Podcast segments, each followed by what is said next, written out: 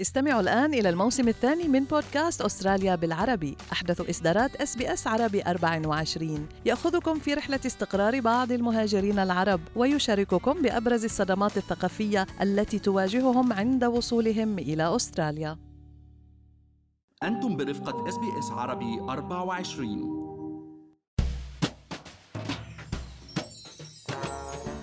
اليوم 1 9 2022 هو أول أيام قمة تعقدها الحكومة الأسترالية لمناقشة وبحث مستقبل الوظائف والمهارات في أستراليا. وعلى جدول أعمال القمة اللي راح يتم مناقشتها على يومين أمور عديدة تتعلق بالبطالة والأجور والإنتاجية العامة وتوسيع القوى العاملة. ومن أحد الأفكار المطروحة للنقاش لتشجيع الآباء والأمهات للمشاركة بسوق العمل هي تخفيف أعباء تكاليف رعاية الأطفال.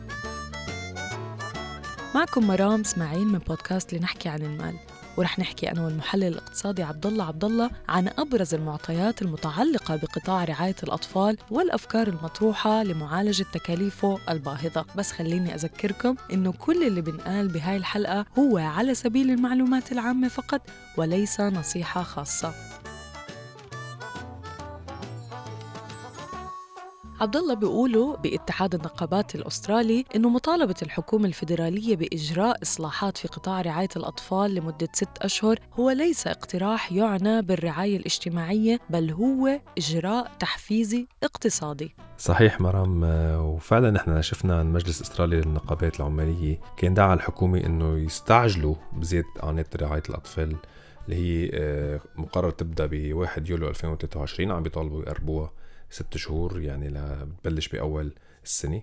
كإجراء تحفيزي لدفع الأهالي للعوده بشكل أسرع لسوق العمل يلي عم يشهد نقص كتير كبير بالمهارات وبالعمال.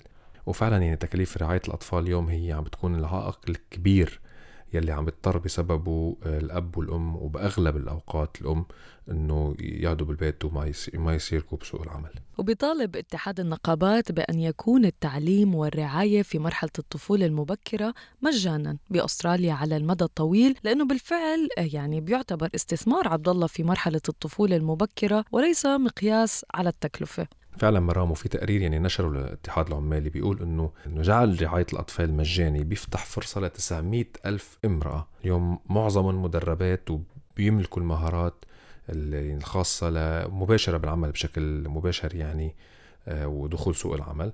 وهذا الأمر أكيد من شأنه إنه يساهم بشكل كتير كبير بردم الهوية كمان بين مداخيل النساء ومداخيل الرجال وبيساهم سنويا بأكثر من 100 مليار دولار قيمة مضافة للاقتصاد. لهيك اليوم اتحاد العمال عم بيقول إنه هيدي يعني عبارة عن استثمار اقتصادي وليس مقياس تكلفة رعاية اجتماعية. فعلا عبد الله أصدر مكتب الإحصاءات الأسترالي الأسبوع الماضي بيانات تظهر إنه فجوة الأجور بين الجنسين يعني الفرق في الدخل بدوام كامل بين الرجال والنساء قد نمت إلى 14% بالعام المالي السابق بزيادة 2% عن العام اللي قبله. هو المفارقة مرام اليوم إنه أستراليا تعتبر وحدة من أكثر الدول تعليما مستوى التعليم بالعالم فيها ولكن للأسف تحتل مرتبة 70 كمان عالميا من حيث مشاركة المرأة الاقتصادية وهذا بحسب مؤشر الفجوة بين الجندرين يعني العالمي للمنتدى الاقتصادي العالمي ال World Economic Forum وتعتبر رعاية الأطفال جزء أساسي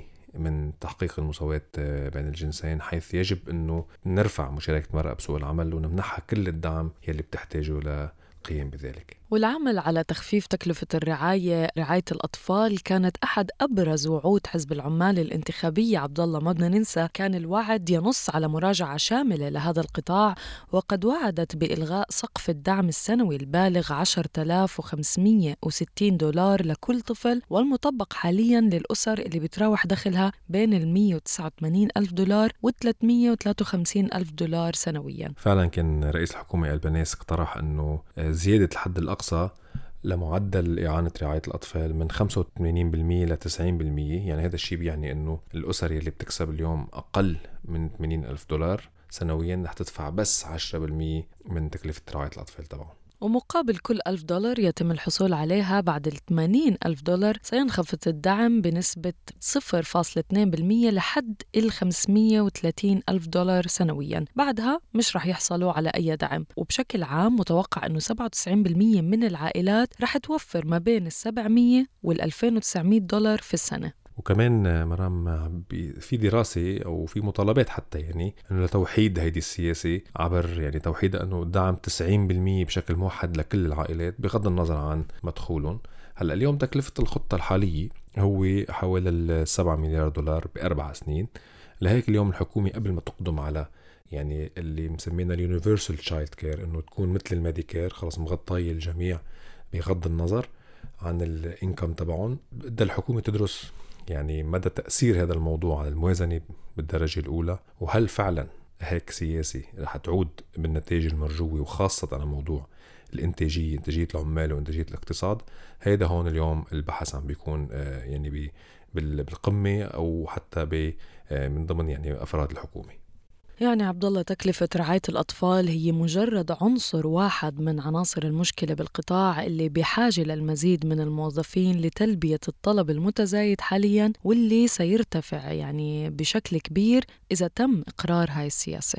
فعلا مرام هيدي الزاوية كتير مهمة عم تحكي فيها وخاصة إنه اليوم المعلمات والمعلمين يعني بيشتغلوا بموضوع الطفولة المبكرة هن من ضمن أكثر عشر مهن مطلوبة خلال السنوات الخمسة الجاية بأستراليا. والضغط الحالي على مراكز رعاية الأطفال عم بيدفع كتير منهم يتركوا الشغل ويبحثوا عن وظيفة يمكن يكون فيها أقل ضغط مثلا مثل تجارة التجزئة أو غيرها من الوظائف فيها أقل ساعات عمل وأقل ضغط. وهذا الشيء أكيد عم بيزيد الطين بلي مثل ما بيقول النقابات كمان عبد الله بتطالب برفع الأجور وبزيادة فورية بنسبة 10% في رواتب العاملين في مجال أو قطاع رعاية الأطفال. وهناك حاجة إلى 39 ألف معلم إضافي بحلول العام المقبل بس لمواكبة الطلب. فعلا يعني هيدي تعتبر قضية كتير صعبة إنه عملية جذب واستبقاء هالموظفين بهذا القطاع. ومثل ما كنت عم بتقولي لازم أكيد زيادة الأجور وتحسين ظروف العمل. وخاصة يعني إذا تم توحيد سياسة رعاية الأطفال وفعلا بدنا نحن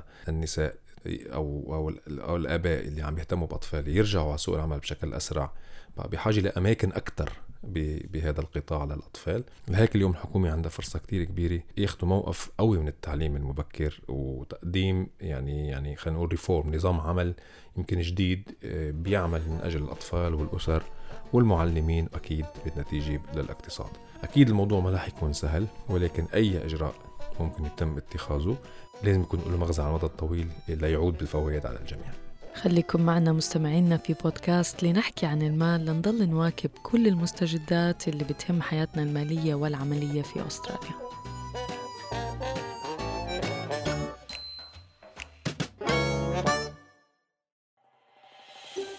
هل تريدون الاستماع إلى المزيد من هذه القصص؟ استمعوا من خلال Apple Podcasts، Google Podcasts، Spotify أو من أينما تحصلون على البودكاست.